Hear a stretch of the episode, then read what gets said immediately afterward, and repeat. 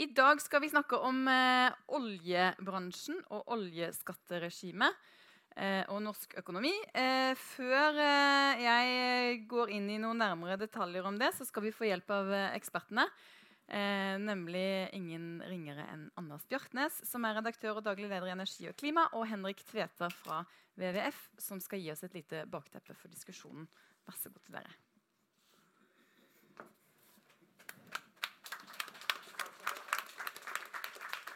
Tusen takk, det er morsomt å være her. Eh, vi skal bare dra en liten faktaboks på morgenkvisten nå her, før den diskusjonen, før samtalen. Og jeg skal starte med og Jeg tok i tatt i bruk legoklosser som hjelpemiddel istedenfor PowerPoint. Altså, klima og olje henger sammen.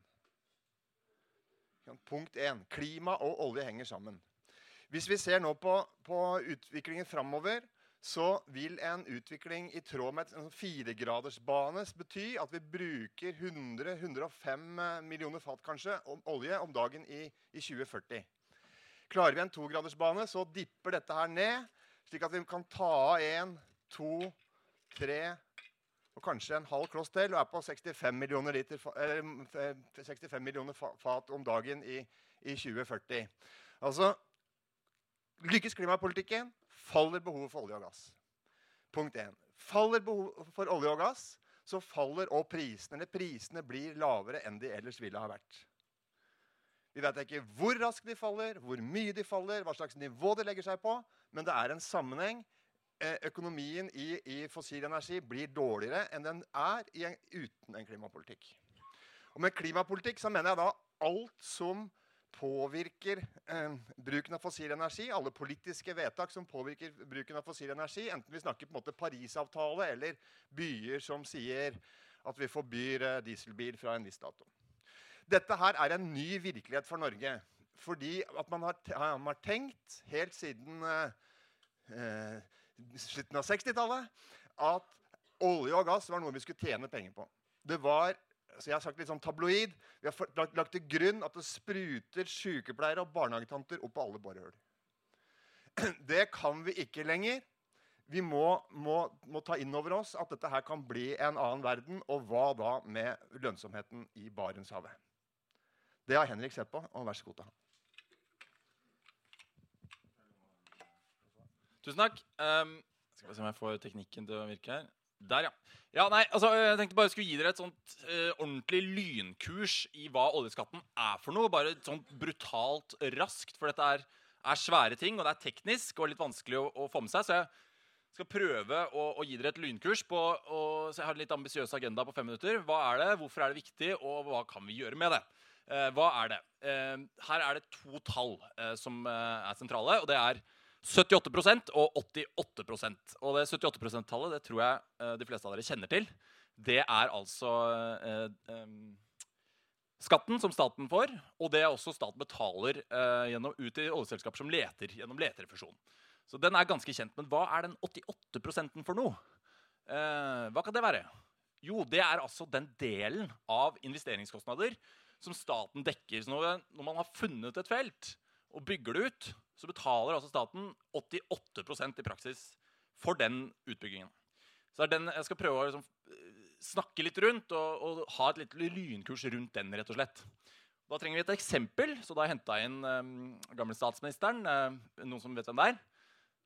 Det er ja, Johan Sverdrup, som nå har blitt et oljefelt. Um, eh, og det som er fint med oljefeltet, det er at det koster ca. 100 milliarder kroner å bygge ut. Så det er veldig fint å bruke som eksempel for å liksom skjønne oljeskatten, hvordan oljeskatten fungerer.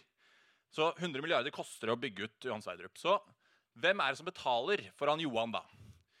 Um, jo, det er jo staten da, gjennom skattesystemet som betaler 50, 60, 70, 85. Uh, og så uh, de resterende 12 kronene betales da av oljeselskapene, som er til dels statlig, til dels privat.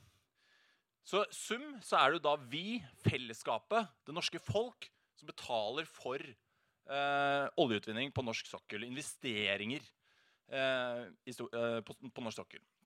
Men hva er det som skjer da hvis Johan blir syk? Eh, hvis eh, denne investeringen eh, går gæren på et eller annet nivå? Altså at lønnsomheten forsvinner. Eh, fra dette her. Og dette er et litt karikert eksempel, da, men det er bare for å på en måte forstå oljeskatten, hvordan oljeskatten fungerer. Jo, da eh, taper jo eh, staten da, gjennom oljeskatteregimet 88 milliarder. Og så taper eh, oljeselskapene 12. eh, og hele hundrelappen forsvinner, da. Eh, men la oss anta da at han holder seg frisk. Og her ligger liksom oljeskatteessensen og, og det å forstå det. Um, og at han får da 100 milliarder i overskudd, bare som et eksempel. Så er spørsmålet da hvordan, hvordan skal disse pengene fordeles? Så er jo investeringskostnadene da, til, til, venstre der, og så er det da hvordan disse skal flyttes over eh, og deles på når det kommer overskudd eventuelt. Og da får jo da staten gjennom skattesystemet 50, 60, 70, 8 78% er oljeskatten. Så allerede her så kan vi se at det er noe, det er noe muffins, på en måte, fordi staten har betalt 88, og så får de da litt mindre enn det de eh, investerte, på en måte. Um, og de resterende eh, pengene som er igjen, de 22 kronene som er igjen der, de blir jo da fordelt på de oljeselskapene som er, eh, som er med på feltet. Det, så det er, en, det er, en, ubalanse her mellom eh, innsats til å begynne med og det man får igjen. Um, så staten tar relativt stor risiko, får litt mindre igjen, mens investorene tar relativt liten risiko og får litt mer igjen. Så det er jo, eh, For enhver investor så er jo dette her helt ideelt, fordi eh, alle investorer er jo opptatt av forholdet mellom risiko og avkastning. Lavest mulig risiko, høyest mulig avkastning. Og Det er jo litt av det oljeskattesystemet legger opp til. Og Det har jo også Finansdepartementet kalt for eit investeringsvennlig skatteregime. Eh, så det har vi. Eh, og så er det Nå skal ikke jeg gå inn på detaljer hva det skyldes, men det kan dere lese om vi har en rapport som dere kan ta med dere når dere går herfra, som er lansert i dag, som WWF har skrevet med Klimastiftelsen. Eh, det skyldes da i hovedsak tre sentrale ordninger i oljeskatten, som er friinntekten, som er et skattefradrag ved investeringer som skal skjerme avkastningen mot særskatt, som er ganske gunstig. Eh, og så er det eh, korte avskrivninger. Hvis du bygger ut et oljefelt som skal stå der i 40 år, så kan du skrive det av i regnskapet på seks år. Eh, det er en fordel. Og så er det ekstraordinære rentefradrag i særskatten, som er veldig særegent fra, for, for oljeselskapene, og som mange internasjonale selskap og sånn ikke helt skjønner når de kommer på norsk sokkel. Um, så det er på en måte grunnen. Og så er det Hvorfor er dette viktig? Um, Altså, Dagens oljeskatt ble meisa ut da, som Anders var inne på, i en tid hvor det ikke ble snakka noe særlig om klimaendringer, for det første, og man trodde at vi kom til å gå tom for olje og gass. Så man hadde en forventning om at dette her kommer til å bli utrolig lønnsomt. Og hvis man ser på dagens oljeskatt med det man visste om verden på den tiden, så er jo oljeskatteinnretningen ganske fornuftig. ikke sant? Man visste ikke noe særlig om klimaendringer. Uh, man tenker at dette her her er det mye profitt å hente ut, så vi burde stimulere til mest mulig aktivitet. Eh, så honnør til de som lagde systemet den gangen. Det var smart i den konteksten. Men nå ser jo verden ganske annerledes ut. da. Eh, og det er jo det som rapporten vår også handler om. Nå har vi fått klimaendringene, som er en enorm utfordring. Og vi vet at jo bedre vi lykkes med klimapolitikken, jo mindre blir behovet for olje og gass. Og da er spørsmålet, Skal vi ha et skattesystem som da insentiverer, oppfordrer og, og, støtter opp om høy aktivitet, er spørsmålet. Så, så Betydelig fall i oljeforbruket er ikke lenger bare noe miljøvernere og naturforskere drømmer om. Det er noe teknologer og økonomer regner med at kommer til å skje. Um, så Hvis vi skal klare Paris-målene, så må uh, endringstakten akselereres. Vi må få til overgangen raskere uh, enn det vi ser nå. Da blir spørsmålet hvilken risiko skal staten ta? Hvilke veivalg skal vi ta? Skal vi ha eh, en innretning på oljeskatten som oppfordrer til mer aktivitet i fossil retning? Eller kanskje man burde tenke annerledes eh, rundt dette her? Um, så hva kan vi gjøre med det? Eh, det er jo ikke noe hemmelighet at eh, vi i WWF, som er en del av miljøbevegelsen, ønsker å, å få fjerna en del av disse fordelene her. Um, og det er vi heller ikke aleine om. Um, det er rapporter, f.eks. Eh, Skattekommisjonen fra år 2000 eh, tok til orde for å fjerne mye av fordelene. Og eh, den forrige, altså Grønn skattekommisjon fra 2015 gjorde akkurat det samme. Så det er tung, altså, tung ekspertise, fagfolk og eksperter som mener at vi må legge om dette her. da. Um, så det var egentlig det. Jeg håper at dere skjønte hva det var for noe. Så ja. det, ikke, det blir ikke noe tid til spørsmål.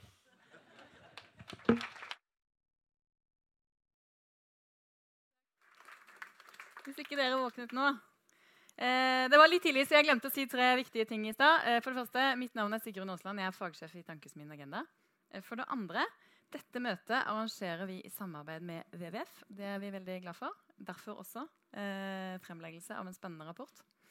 Eh, for det tredje, vi strømmer alle arrangementene våre. Eh, noen ganger blir de sendt på P2. Det er kjempebra, fordi da får enda flere mennesker glede av dem, også de som verken står opp tidlig eller bor i Oslo.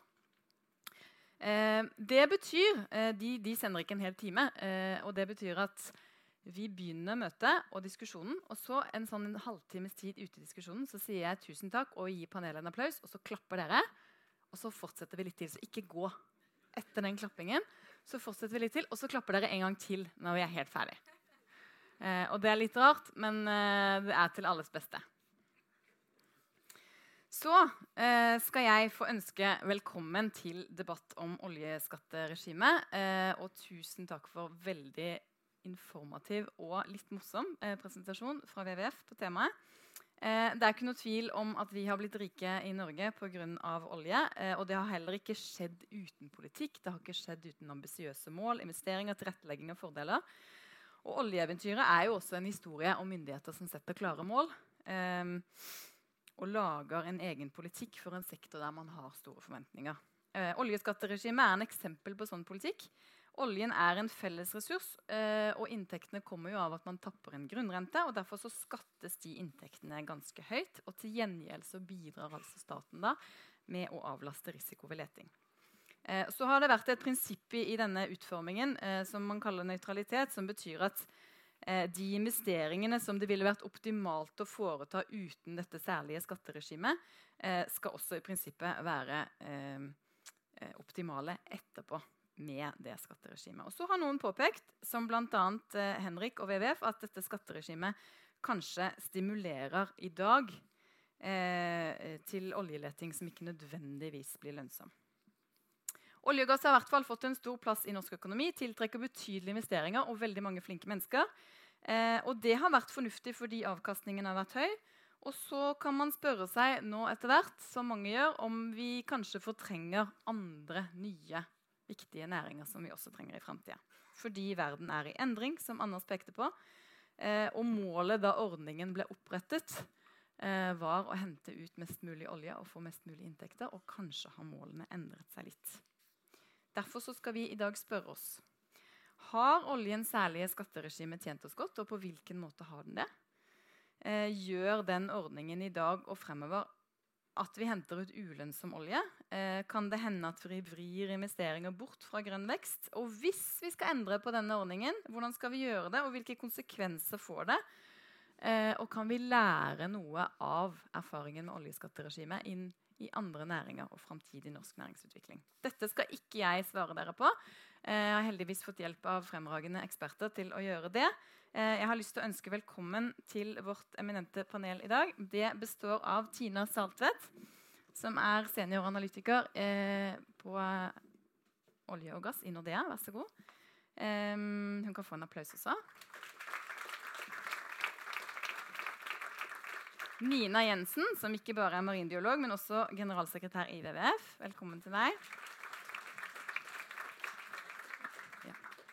Eh, Olav Fjell, eh, tidligere konsernsjef i Statoil. Nå eh, sitter han med en mengde styreverv både innenfor og utenfor eh, olje og gass. Hjertelig velkommen. Eh, og Frode Alfheim, som er forbundsleder i Industri Energi. Eh, og dermed representerer 60 000 medlemmer som i stor grad jobber innenfor offshore olje og gass i norsk økonomi. Jeg har lyst til å begynne med deg, Frode. Eh, oljeskatteregimet, har det vært nyttig for oss, og hvordan?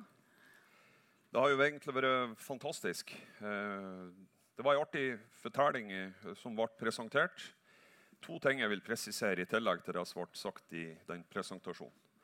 Det ene er at En forutsetning for eh, at dette har vært bra for Norge, det er at vi nasjonaliserte eierskapet til olje og gass.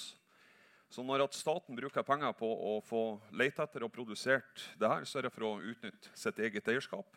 Så man lager et eh, regime som har invitert også privat kapital for å være med og sørge for at staten skal tjene penger. Og så har jeg også ofte brukt litt sånn bibelske betegnelser på systemer. For det er sånn at uh, Herren gir, altså i forhold til den fortellinga du, du, hadde, altså med et uh, godt system som fremmer aktivitet, men òg sånn at Herren tar når vi har, har tjent pengene. Og Det er jo det som har gjort at vi i, over 20 år har vært gjeldsfri som nasjon. Vi har bygd opp et stort fond som vi har å, å tære på. og som eh, De som nå eh, behandler eh, statsbudsjettet for 2018, kan eh, faktisk ha en trygghet for at vi har dekning for utgiftssida på, på, statsbudsjettet. Og på de tingene som vi er enige om at vi må satse på i årene framover, så har vi noe å, å ta av. Så, eh, så, det har vært bra i, i, i så henseende. Og så vil jeg også påpeke at det er et system som òg fremmer veldig teknologiutvikling. Og Norge er et land som uh, helt ifra dag én har hatt uh, veldig sterkt fokus på at vi skal drive på, uh, på, en måte som skal være bra for miljø.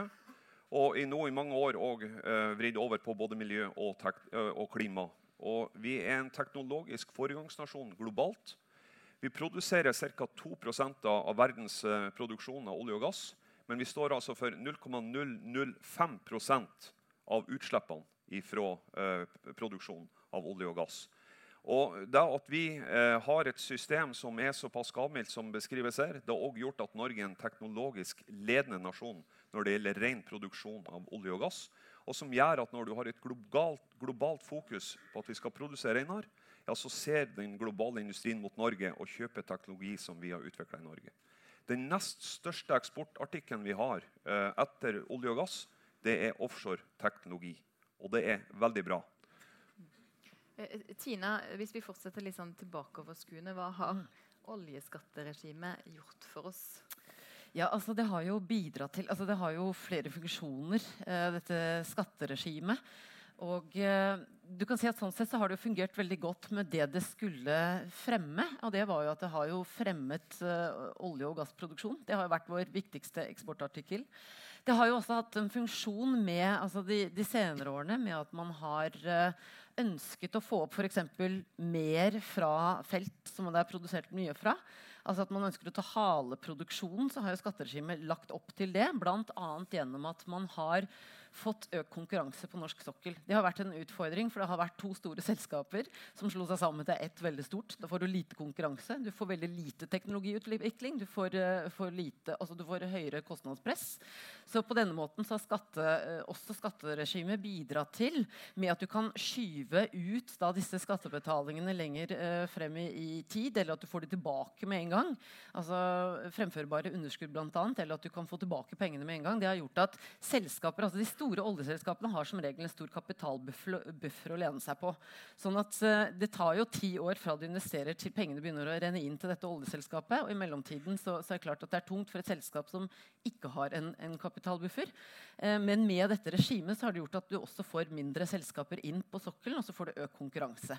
Så, så, sånn sett så har det jo fungert bra. altså Det har bidratt til økt konkurranse, i hvert fall frem til nå i den senere tid. Men så er det selvfølgelig da spørsmål hvor vil vi en fremover? Og det er jo et politisk spørsmål. Fordi at det er helt klart fremmet den tanken vi ønsket. Og det har jo vært at vi skal istedenfor å ha oljen under jorda, eh, så har vi jo ønsket å sette det på en konto. Og på den måten ønsket å få en høyere avkastning på det. Uh, men da har det jo vært en lønnsom produksjon også. Men det er klart at uh, fremtiden det må jo bygge på hvor ønsker Norge å gå hen. Ønsker vi å nå klimareglene, så er det kanskje må vi ha andre innordninger. Vi er igjennom et skifte. Vi skal huske på det at uh, altså, skatteregimet er jo en del av den totale endringen vi er inne i. Vi, vi, er jo nå gjennom et skifte. Vi ser jo det at vi trenger å endre vår økonomiske vekst, våre vekstdrivere. Og da er jo skatt en viktig, det er rett og slett et viktig verktøy. Og da er jo det store spørsmålet ønsker vi å bruke det verktøyet som vi har gjort tidligere, eller trenger vi å endre på det. Og det er, det er jo viktig at vi nå tør å se på helheten. Altså Ønsker vi å gjøre et skifte, så må vi også da se på hensikten med det skatteregimet vi har i dag, og hvordan skatteregimet skal fungere fremover for å nå de målene som vi har. Mm. Olav, du har sittet og hatt, hatt, glede av vil jeg tro, dette mm. spesielle regimet. Er det gått ut på dato, eller? Altså først har jeg lyst til å minne om at oljealderen er tross alt bare halvannen generasjon i Norge. halvannen generasjon. 45 år omtrent. Og på den tida så har vi fått eh, verdens rikeste land. Så det har ikke vært helt galt. Og hva skyldes det? Selvfølgelig at vi fant olje og gass, men også at vi hadde veldig forutseende politikere som satte krav da oljealderen begynte, som ble oppfatta som nærmest uhørte av eh, næringen. Eh, de hadde ambisjoner om eh, å skape en ny næring. Ikke bare å få penger, men skape en helt ny næring. Det er gjort til overmål. De hadde ambisjoner om at vi skulle tjene mye penger på det. Det er oljefondet et veldig godt eksempel på. Og de satte også standard på helse, miljø og sikkerhet som var ukjent tidligere, og som er blitt ledende for hele industrien. Så dette har fungert utrolig bra. Og skattesystemet er en del av dette. Uh, og det er få eh, internasjonalt som oppfatter 78% skatt som superattraktiv sånn eh, i utgangspunktet.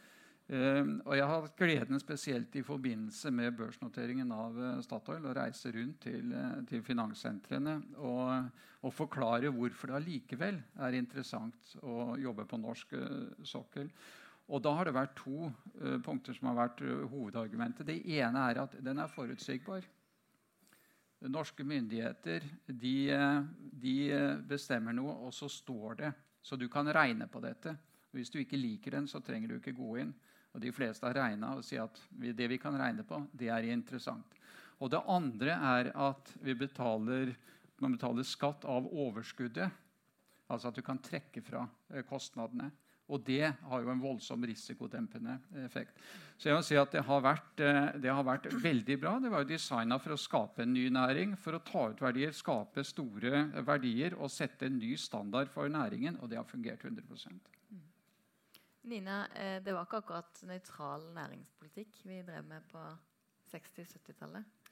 Nei, absolutt ikke. Eh, og på mange måter så var det jo eh, en riktig investering i den tiden. Det er jo, og jeg tror jeg er enig med begge på mine sider her om at det var er og har vært en ordning som har tjent Norge vel. Det har bidratt til å bygge opp det velferdssamfunnet som vi alle lever svært godt av i dag. Men det var jo tilpasset den tiden man levde i da. De eneste som tror at uh, dette samme oljeskatteregimet vil være bra for oss i framtiden, er jo de som én ikke tror på klimaendringer, og to eh, som tror at oljeprisen vil fortsette å være like høy eller høyere.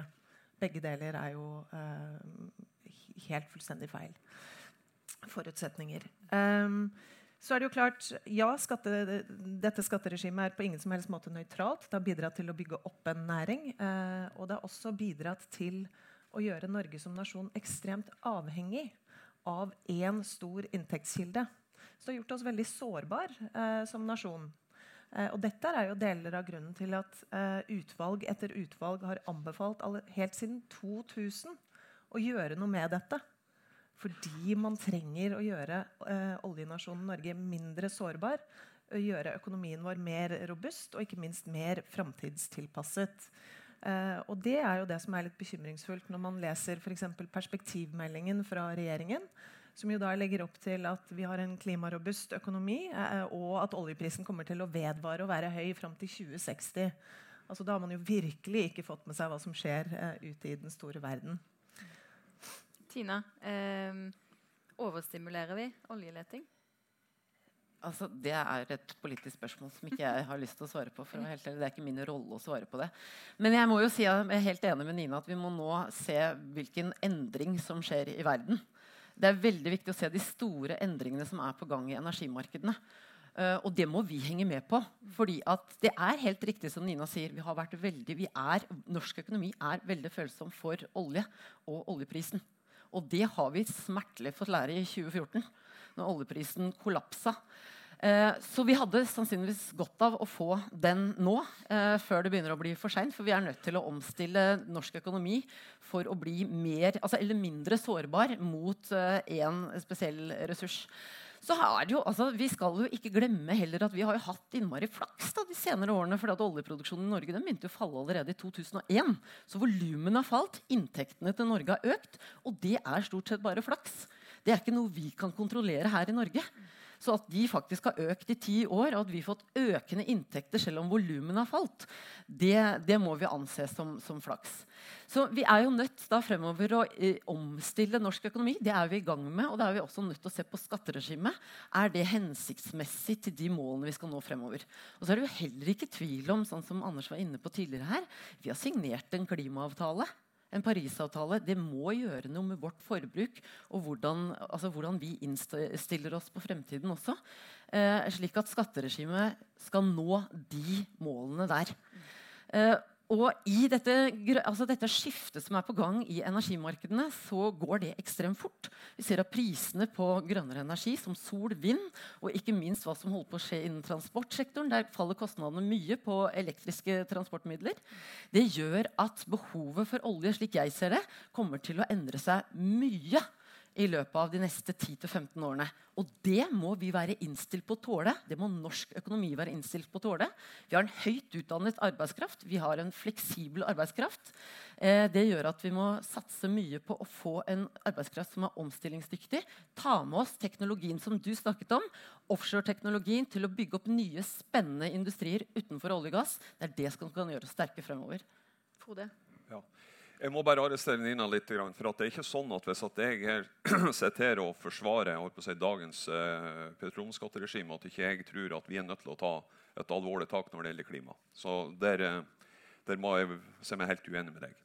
Eh, men eh, vi har jobba hardt nå i den perioden når vi har levd med en fallende oljepris, med å sørge for at vi skal ha kostnadsnivå på norsk sokkel som gjør at vi skal være i stand til å investere i ny produksjon, som skal gi både arbeidsplasser skal gi teknologiutvikling, skal gi penger til den norske stat. Eh, og jeg tror at eh, vi nå står framfor en periode der at vi har noen felt som eh, vi kan fatte investeringsbeslutning på og snart. Og i Barentshavet, bare sånn at det er nevnt. Og så tror jeg at vi er nødt til å innse da, at skal vi greie begge deler, for jeg tror vi er nødt til å gjøre begge deler, så vil vi alle være avhengig av at vi har en ganske stabil inntjening til den norske stat. Og Derfor så tror jeg at uh, vi har ikke overstimulert leitinger de siste årene. Vi er nødt til nå uh, å ha fullt trykk på å lete enda mer for å sikre at vi får nye felt i produksjon. Uh, gjør ikke vi det nå, så vil vi i en situasjon fra 2025 stå meget svakt i forhold til at vi, vi kommer til å tjene mindre penger pga. at produksjonen kommer til å falle raskt.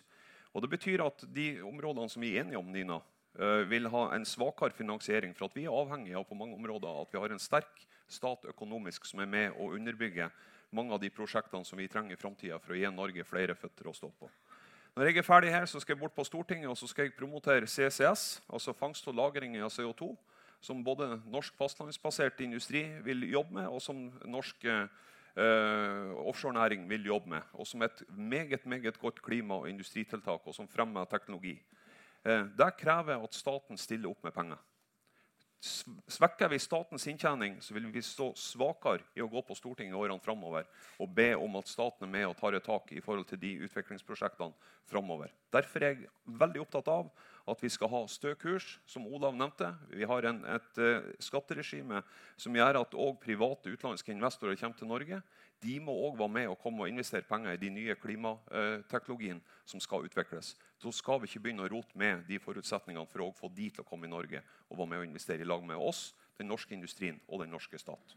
Lina, du skal få kommentere på det. Altså, Stø kurs er feil kurs. Eh, vi kan ikke styre etter den kursen som vi satte for mange mange år siden, eh, i en verden som endrer seg i rekordfart. Da må også vi eh, snu om kursen.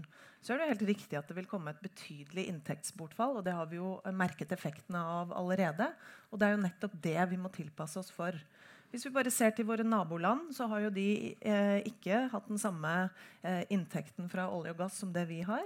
Eh, men de har jo et eh, like høyt, hvis ikke høyere, velferdsnivå enn det vi har i Norge. Og de klarer seg helt fint. Det er jo den virkeligheten vi også må bevege oss inn i gjennom å satse på andre former for teknologi, nye typer arbeidsplasser, ny verdiskapning. Og hele vårt statsbudsjett må på en gigantisk slankekur. Altså, vi har jo pumpet opp kostnadene i alle deler av uh, samfunnet, som jo gjør at vårt kostnadsnivå og statsbudsjett ligger langt over eh, sammenlignbare eh, land, og særlig da i våre nordiske naboland. Så syns jeg jo det er fascinerende at uh, oljeindustrien uh, og, og representanter for eh, det jeg vil kalle oljelobbyen fremholder hvor viktig det er å ta ansvar for klimaet og gjøre noe med klimaendringer. Og I neste setning så sier man men nå må vi pumpe opp mer. Altså, da har man jo virkelig ikke forstått hva dette problemet dreier seg om. 80% av utslippene kommer altså fra fossil produksjon. Skal vi gjøre noe med klimaproblemet, ja, så må vi gjøre noe med den produksjonen. Så er det jo riktig at vi produserer relativt ren olje. Ikke den reneste i verden, men relativt ren. Noen felt i Norge produserer på nivå med tjæresand. Så det må vi også ta inn over oss. Men gjennom denne næringen så eksporterer vi altså årlig eh, Eller vi er verdens syvende største eksportør av klimautslipp. Hva gjør det da med vår økonomi, med vår næring, med vår inntektsstrøm i en verden som tar klimamålene på alvor? Det kommer til å få eh, en eh, grunnleggende eh, effekt på økonomien vår, på disse industriene, som vi må ta på alvor. Og Derfor så er det så utrolig viktig at vi tør å ha en åpen og ærlig diskusjon om dette skatteregimet, om leterefusjonsordningen, om hva vi bruker samfunnets penger på fremover. Eh, og vi må klare å skille mellom eksisterende produksjon, som eh, jeg tror det er veldig få som mener at vi skal stoppe med, men nye felt. Hvor stor risiko skal vi faktisk ta for å bygge ut nye felt i Barentshavet, som da ligger 20-30 år fram i tid, hvor vi jo ikke aner hvordan markedet kommer til å se ut? Men vi har gode indikasjoner på at klimaendringer og klimarisiko kommer til å spille en betydelig effekt, og at energimarkedene kommer til å endre etterspørselen. Så vi sitter i en skikkelig skvis som vi må gjøre noe med. Olav, tar staten for stor risiko på nye felt? Ja, jeg har lyst til å bare gå litt uh, tilbake til dette. Altså, vi er enige om at uh, skattesystemet og, og, hele politiske innretningen har fungert godt. Og det har gitt oss en, en velstand som ingen kunne drømme om da jeg var barn. helt, helt umulig. Og, og, så er det ikke så vanskelig å være enig om at hvis hensikten nå er å stoppe oljeutvinning, avvikle oljeindustrien og avvikle næringen, så er det et annet skattesystem som er mer tjenlig. Det er vel ingen, ingen, ingen overraskelse. Eh, men jeg tilhører nok dem som syns at eh, vi har et ansvar for å forvalte ressursene våre på en, eh, på en, god måte. Og ta ut det som vi kan ta ut på en økonomisk fornuftig måte av ressursene våre. Og videreutvikle den næringen vi har i dag. Eh, og så er det også, og jeg, er, jeg, jeg, har forståelse for eh, klimamålsettinger. Jeg tilhører de som, eh, som er bekymra for, eh, for, for, utviklingen. Eh, absolutt. Eh, men jeg mener at vi har allerede tiltak i dag som stimulerer grønne, det grønne skiftet. som vi sier. Det kan gjerne videreutvikles. Men måten å gjøre det på er ikke å sage over den greina vi sitter på. Husk det at eh, vi vil være avhengig av privat kapital framover også. Og da er forutsigbarhet for investorene det er viktig. Det er mange, mye av de samme pengene som vil komme inn og finansiere fornybar energi, som, eh, som har finansiert eh, oljen. De går stort sett etter å få mest mulig avkastning. Eh, så la oss passe på at vi ikke gjør noen dramatiske endringer eh, her. sånn. Det har vært Norges styrke i lang tid at vi har stabilt eh, system for skatter og avgifter. La oss holde på det. Men hvis dere, dere skal få ordet, dere som har bedt om ordet, men alle er enige om at dette var eh, fornuftig, slik det ble tenkt ut, at nå har tidene endret seg, kanskje må vi tenke nytt. Eh, Frode, du var også inne på at det er mulig vi må tenke nytt om, om skatteregimet. Eh, og så skal det jo være en balanse her mellom eh, hva man tar inn eh, av skatteinntekter eh, i slutten, og hva man på en måte stimulerer til, eh, og de fradragene man får for å lete. Hva slags endringer ser du for deg, Frode? Kommer dette skatteregimet til å endre seg? Eh, og er det nødvendig? Og i så fall hvordan? Altså, du tror du oppsummerte litt feil. Jeg eh, mener at vi skal ikke endre på skatteregimet. Okay. Eh, vi, vi endra på skatteregimet i forhold til eh, landbasert industri. Altså, der går skatten ned altså i forhold til eh, selskapsskatten. Men man justerer opp særskatten. Altså det, det, er det som gjør at du fremdeles betaler 78% skatt for uh, oljeindustrien. Så særskatten for oljeindustrien den går opp, mens at skatten for uh, landbasert industri den går ned. Og det betyr altså at uh, Hvis vi skal satse bare på den landbaserte industrien, så vil altså skatteinntektene derifra avta. Uh, jeg tror at uh, skattesystemet for norsk sokkel kommer til å ligge fast. Nina, hvis man skal i mindre grad stimulere til leting gjennom fradrag, så må man vel også få inn, ta inn lavere skatt på den gevinsten som letingen gir? Altså, det tror jeg ikke jeg ønsker å kommentere på. Det får bli en diskusjon mellom uh, oljenæringen og, og, de som vil utrede hvordan dette skal gjøres. For det kommer jo til å bli utredet hva man skal gjøre med skattesystemet fremover. Uh, jeg tror det som er viktig i denne diskusjonen, det er jo i hvor stor grad skal staten være den, og skattebetalerne være de som tar risikoen for ny oljeleting.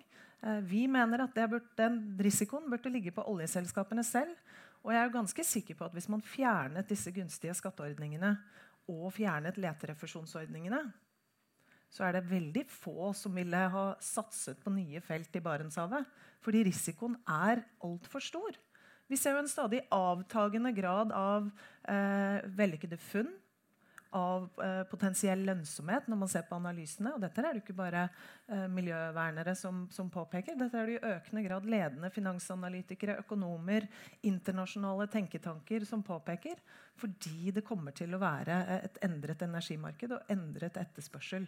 Så det å faktisk bruke skattebetalernes penger på å eh, og jeg vet dere ikke liker dette ordet, subsidiere ny oljeleting inn i sårbare og vanskelige områder i nord, eh, som krever langt mer krevende infrastruktur enn det vi har tilgjengelig i dag, og med et energimarked som er så usikkert. Altså, det er galskap. Eh, I Barentshavet, hvis oljeprisene faller, så snakker vi om i hvert fall 20 milliarder kroner som staten vil tape som følge av dette. Og hvert eneste år så bruker altså staten pluss-minus 10 milliarder på denne næringen. Det mener jeg er feil bruk av norske skattebetalers penger i en tid da vi skal nå klimamålene, og der vi må omstille oss som nasjon. Så må vi finne andre måter å tjene penger på, og det må vi gjøre raskt. Og vi må kutte utgiftene våre samtidig. Olav og så Tina. Vi må huske at uh, leterefusjonsordningen den er helt uinteressant for de selskapene som er etablert på norsk sokkel, har vært her lenge og har inntekter.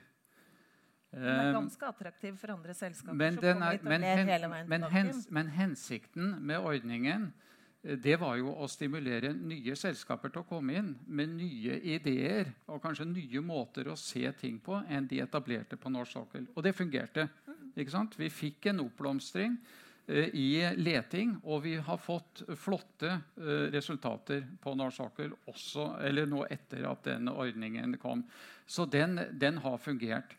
Og så holder vi gjerne frem at, vi, at leterefusjonsordningen truer Barentshavet. Men hvis du ser hvem som leter nord i Barentshavet, så er ikke det det er vel ett av de selskapene som nyter godt av leterefusjonsordningen. Ellers er det de store etablerte som har løpende inntekter. slik at leterefusjonsordningen er viktigere for småselskapene, nykommerne, som driver i nærheten av, eh, av, etablerte installasjoner, hvor det er billigere og raskere å, å, å bygge ut. Så jeg syns ikke det er riktig å fremholde leterefusjonsordningen som en voldsom trussel mot, uh, mot iskanten i, i Barentshavet.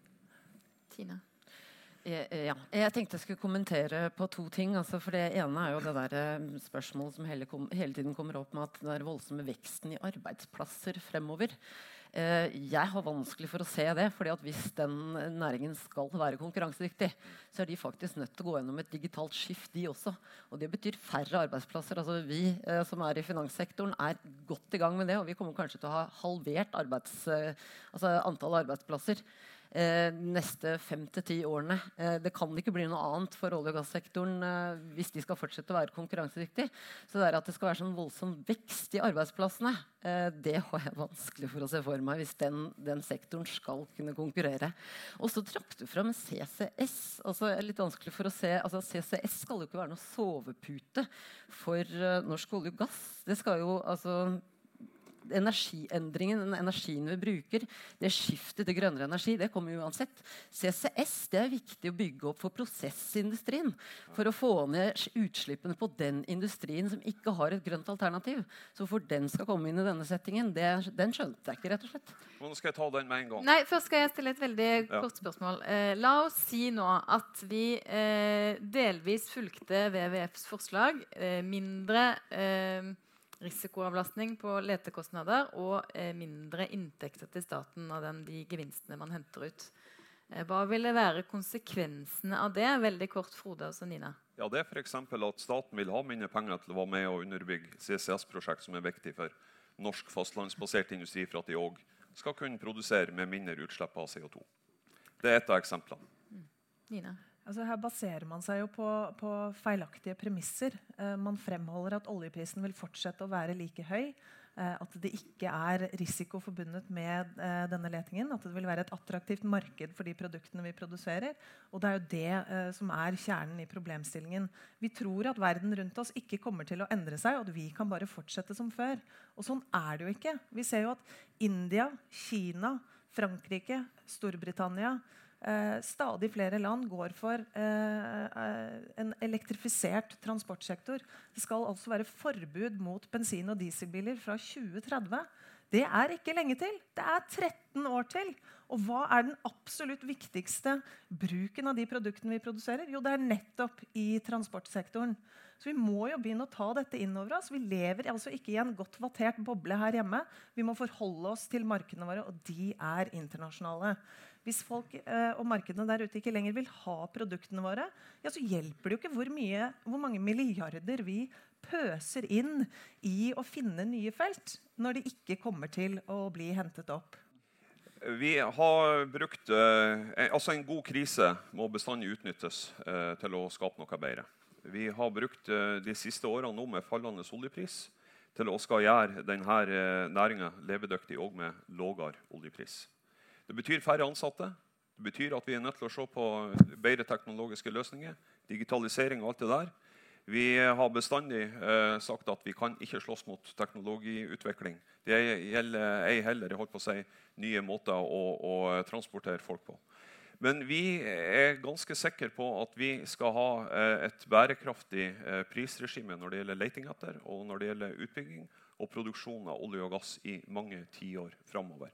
Sånn at jeg føler meg ganske trygg på at det du snakker om eh, som eh, underskuddsforetakene, det er totalt feil. Når man begynner produksjonen av olje og gass fra nye felt, så vil vi ha stabil inntjening både til, til selskapene og til nasjonen Norge fra de samme feltene i årene framover. Og det, er, og det er rett og slett for at vi har gjort denne næringa mer robust.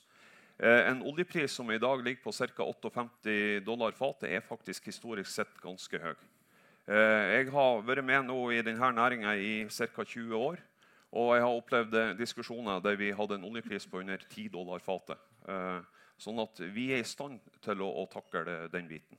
Så tror jeg vi er litt snevre når vi tenker på hva det er vi bruker olje og gass til i, i, i forhold til bruksområdet for olje og gass. Og jeg ser jo selvsagt at på mange plasser så kjører man elektriske biler. Det er i stor grad i, i Norge. Men man må jo ikke se bort ifra at vi bruker olje og gass i helt andre industrielle formål òg. vi har vært ganske nakne alle som sitter her, hadde vi ikke hatt petrokjemiske produkter. Til, eh, til klesindustrien. Så jeg er optimist på at eh, vi, skal, eh, vi skal tjene penger på de feltene som vi skal sette i produksjon nå. Og det kommer til å gagne oss og det kommer til å gagne staten Norge òg i mange tiår framover. Så jeg er helt enig. altså, Det kommer ikke til et, en vekst av arbeidsplasser, men den skal trygge de arbeidsplassene vi har. Den skal trygge at vi har en fortsatt teknologiutvikling som kommer til å komme andre næringer til gode, og kommer til å skape grobunn for arbeidsplasser og for andre næringer som vi trenger i årene framover. Men dette må vi greie å gjøre samtidig. Olje- og gassnæringa skal gi oss en trygghet for at vi skal ha en vekst òg innenfor nye industrier i årene framover. Tina. Altså jeg syns det er veldig skummelt at vi ikke tør å ta den diskusjonen om at det faktisk er en risiko for at en stor del av de oljefeltene vi har, ikke blir lønnsomme. Jeg jobber innen finanssektoren, og det er en av de viktigste tingene vi jobber med. Det er å kalkulere risiko. Eh, det er jo en grunn til at vi havnet i en finanskrise. Det var fordi vi ikke var gode nok til å, å, kalkulere risiko. Nå er vi nødt til å ta inn over oss klimaendringene som skjer. altså Vi er nødt til å in, eh, inkludere klimarisiko i våre beregninger. Vi er nødt til å inkludere muligheten for at behovet for olje vil falle mye raskere enn det vi tror. At prisene blir liggende mye lavere. Og så har vi ja, vi har kutta kostnadene på produksjon her i Norge veldig mye. Men relativt sett til resten av verden så har vi jo ikke det. Alle har kutta kostnader. Og hvis behovet for olje faller, og vi fremdeles relativt sett har kutta som resten av verden, ja, da er vi på samme stedet som vi har vært andre, altså, andre tidligere. Og det betyr at det vil ikke bli brukt for all den oljen og gassen som ligger ute i Nordsjøen. Vi må innse det. At det er, at det er lite sjanse for at akkurat det kommer til å skje. Og så er det en annen ting også. Altså, vi snakker om alle de oljeselskapene som kommer til Norge. Trenden nå er faktisk at de store oljeselskapene trekker seg ut. Det er vanskelig å få oljeselskaper til å bli i Norge. Se på De store oljeselskapene trekker seg ut for øyeblikket. Så får du heller noen mer kortsiktige hedgefond og så får, du noen, eh, altså så får du en del sammenslåinger av noen. De store oljeselskapene trekker seg faktisk ut. Olav, er du bekymret Det var jo akkurat det som var årsaken til at leterefusjonsordningen ble etablert. Eh, for drøyt eh, ti år siden. At du så at en del av de store eh, trakk seg ut og fokuserte andre områder. Da var man ikke så optimistisk på, på norsk sokkel som man har vært nå de siste sju-åtte åra. Og leterefusjonsordningen førte til at det kom nye aktører inn. Så ting på en ny måte. Vi fikk en oppblomstring. Veldig, veldig bra. Eh, hvis man ikke ønsker eh, mer olje og gass, så skal man ikke stimulere til, eh, til å lete etter olje og gass. Er, eh, nå gjentar jeg meg selv, jeg, er klar over det. Men eh, jeg, jeg, er vel av de som, eh, som, at, som, er imponert over hvor fort det grønne skiftet går. Mye mye raskere enn det jeg hadde trodd i vår del av verden. I, I, Norge og i Norden og Europa går det veldig raskt. Mye raskere enn jeg tror de aller, aller fleste hadde forutsett. Men det er vanskelig å se en situasjon hvor det ikke vil være stort behov for mye olje og gass framover. Jeg skal ikke prøve å diskutere oljepris med, med deg. Eh, det kan godt hende vi har omtrent like rett eh, framover, men jeg har ikke den ekspertisen du har på, eh, på det. Men jeg ønsker at vi skal stimulere til at vi får ut mest mulig på, på, på norsk sokkel. Får omsatt de verdiene i, eller de ressursene i penger. Og da må vi stimulere nye, uh, nye leteselskaper, nye leteteknologier. Folk som går inn nær eksisterende infrastruktur, finner nye ting som enkelt og raskt kan, kan tas ut. Tina, og så Frode. Ja, altså, Det høres jo nesten ut som de har tenkt å endre skattelovene enda mer. Da. Fordi at Hvis selskapene trekker seg ut med de stimulansene som er der i dag, med leterefusjonsordningen, og de ikke finner det interessant nok, så er det jo, da må du jo stimulere enda mer da, hvis du skal få flere selskaper tilbake og inn og øke konkurransen. Nei, Men det var ikke det men, men, det som er viktig for meg altså Ingen vet hva oljeprisen blir fremover. Og det kan jeg si, for jeg sitter og jobber med det og har jobbet ja, ja. med det i mange mange år. Ja. Men det viktigste er risikovenn. Risikoen som vi, altså hva, Hvor mye satser vi på å gå all in på dette? Mm. Og den risikoen den har økt. Mm. Det er en økende risiko for at oljeprisen kan bli lavere, at behovet for olje faller. Ingen av oss vet det med sikkerhet, men risikoen øker. Mm. Og den risikoen må vi se på. Hvor mye, eh, altså hvor mye tør vi å satse på dette? Og det, og det har endra seg innmari. Ja, men du må ikke si at det bare er finansinstitusjonene som sitter og regner på risiko. Dette gjør oljeselskapene og oljenæringen i minst like stor grad som finansinstitusjonene gjør. Og med ikke mindre suksess enn det finansinstitusjonene gjør. Vi må følge talerlisten, Frode. Jeg syns det var et godt innlegg fra Olav Eig, og eh, støtter han fullt ut uh, på det. Uh, og så tror jeg òg at uh, vi må heller ikke se bort fra det faktum at mens vi sitter her og diskuterer, så er det ikke sånn at forbruket av olje og gass går ned. Eller olje, da, for å, holde oss til det. Etterspørselen etter olje går faktisk ganske kraftig opp. Det, det, som gjør at vi har en utfordring, eller hatt en utfordring med at vi hadde for høyt kostnadsnivå og for lav pris på olje i Norge, det er rett og slett at vi har fått ny produksjon inn på markedet. Så det er jo ikke sånn at uh, oljeforbruket går kraftig nedover. Altså. Det, det, er et bilde som ikke stemmer med virkeligheten. Og uh, jeg tror at vi skal greie å, å, gjøre begge deler. Vi skal ta vår del av si, den oljeproduksjonen som vi skal ha i mange tiår framover. Det skal vi gjøre rett og slett for at vi kommer til å være de som gjør det på en best mulig måte, samtidig som vi skal være sterke på å utvikle ny fornybar eh, teknologi og på energiområdet. Nå hopper Tina i stolen, så du skal få kommentere veldig raskt. Ja. Nina. Ja, fordi at nå blander du. Altså, I dag går oljeetterspørselen opp. Men vi snakker jo om at den når en topp før 2030 og faller. Det er det vi snakker om. Så du må ikke blande hva som skjer i dag, med hvordan fremtiden vil se ut. Og husk på et oljefelt bruker du altså Det tar ti år fra du investerer til inntektene begynner å komme. Og så tar det nye 15 år fordi inntektene begynner å komme. Så det er viktig å se på lang sikt her. Hva som skjer i dag, er ganske irrelevant for de nye så, prosjektene. men så vet vi òg at det er veldig mange sterke signaler fra de som snakker om det her på lang sikt, som sier at vi er nødt til å lete nå. For at nå har vi leta altfor lite globalt i forhold til den etterspørselen som kommer. Sånn at vi òg er utsatt for en trussel for at vi har for lite olje om ti år som kommer. Rett og slett fordi vi leter for lite. Nina, Og der eh, vil jeg at vi skal ta et tak i dag. får vi for lite olje om ti år, Nina? Nei. Hva var mer var det du ville si? Altså, Verden kan være 100% fornybar eh, hvis vi vil det, og dekke ethvert energibehov, økende energietterspørsel eh, og behovet fra en økende befolkning med fornybar energi. Det er null problem. Og det som virkelig bekymrer meg, er at man ikke er overhodet interessert i å ta denne debatten og ta inn over seg den risikoen man står overfor.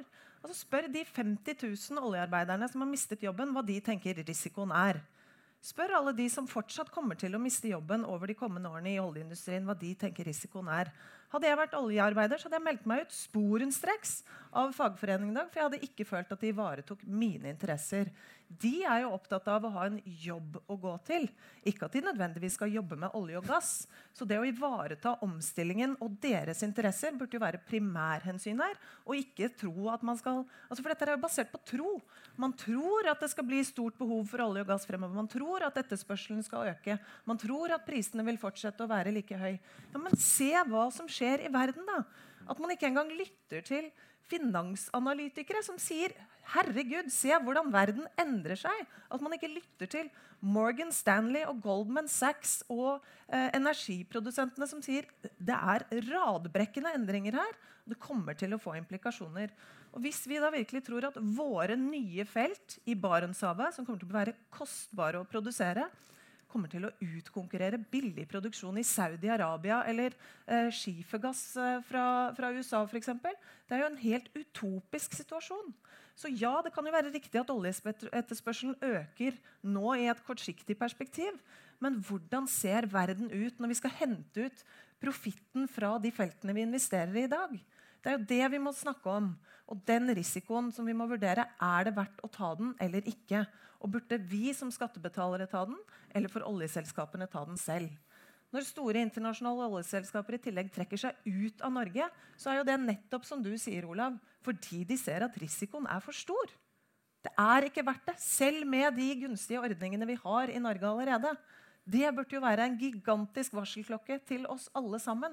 Slutt nå å bruke våre penger på dette. Oljeselskapene får bruke det selv. Kommentar til Frode. Ja, jeg kommer altså ikke til å, å sitte her og legge til rede for masseflukt av medlemmer fra forbundet mitt med å si at jeg går inn for at vi skal avvikle norsk olje- og gassnæring. Men det tror ikke du heller trodde, Nina.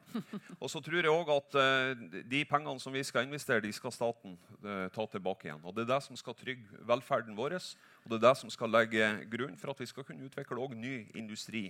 Eh, basert eh, på, på de pengene vi tjener, på den teknologien vi utvikler fra denne næringa, i tiårene framover. Vi skal greie å ha to tanker i hodet samtidig.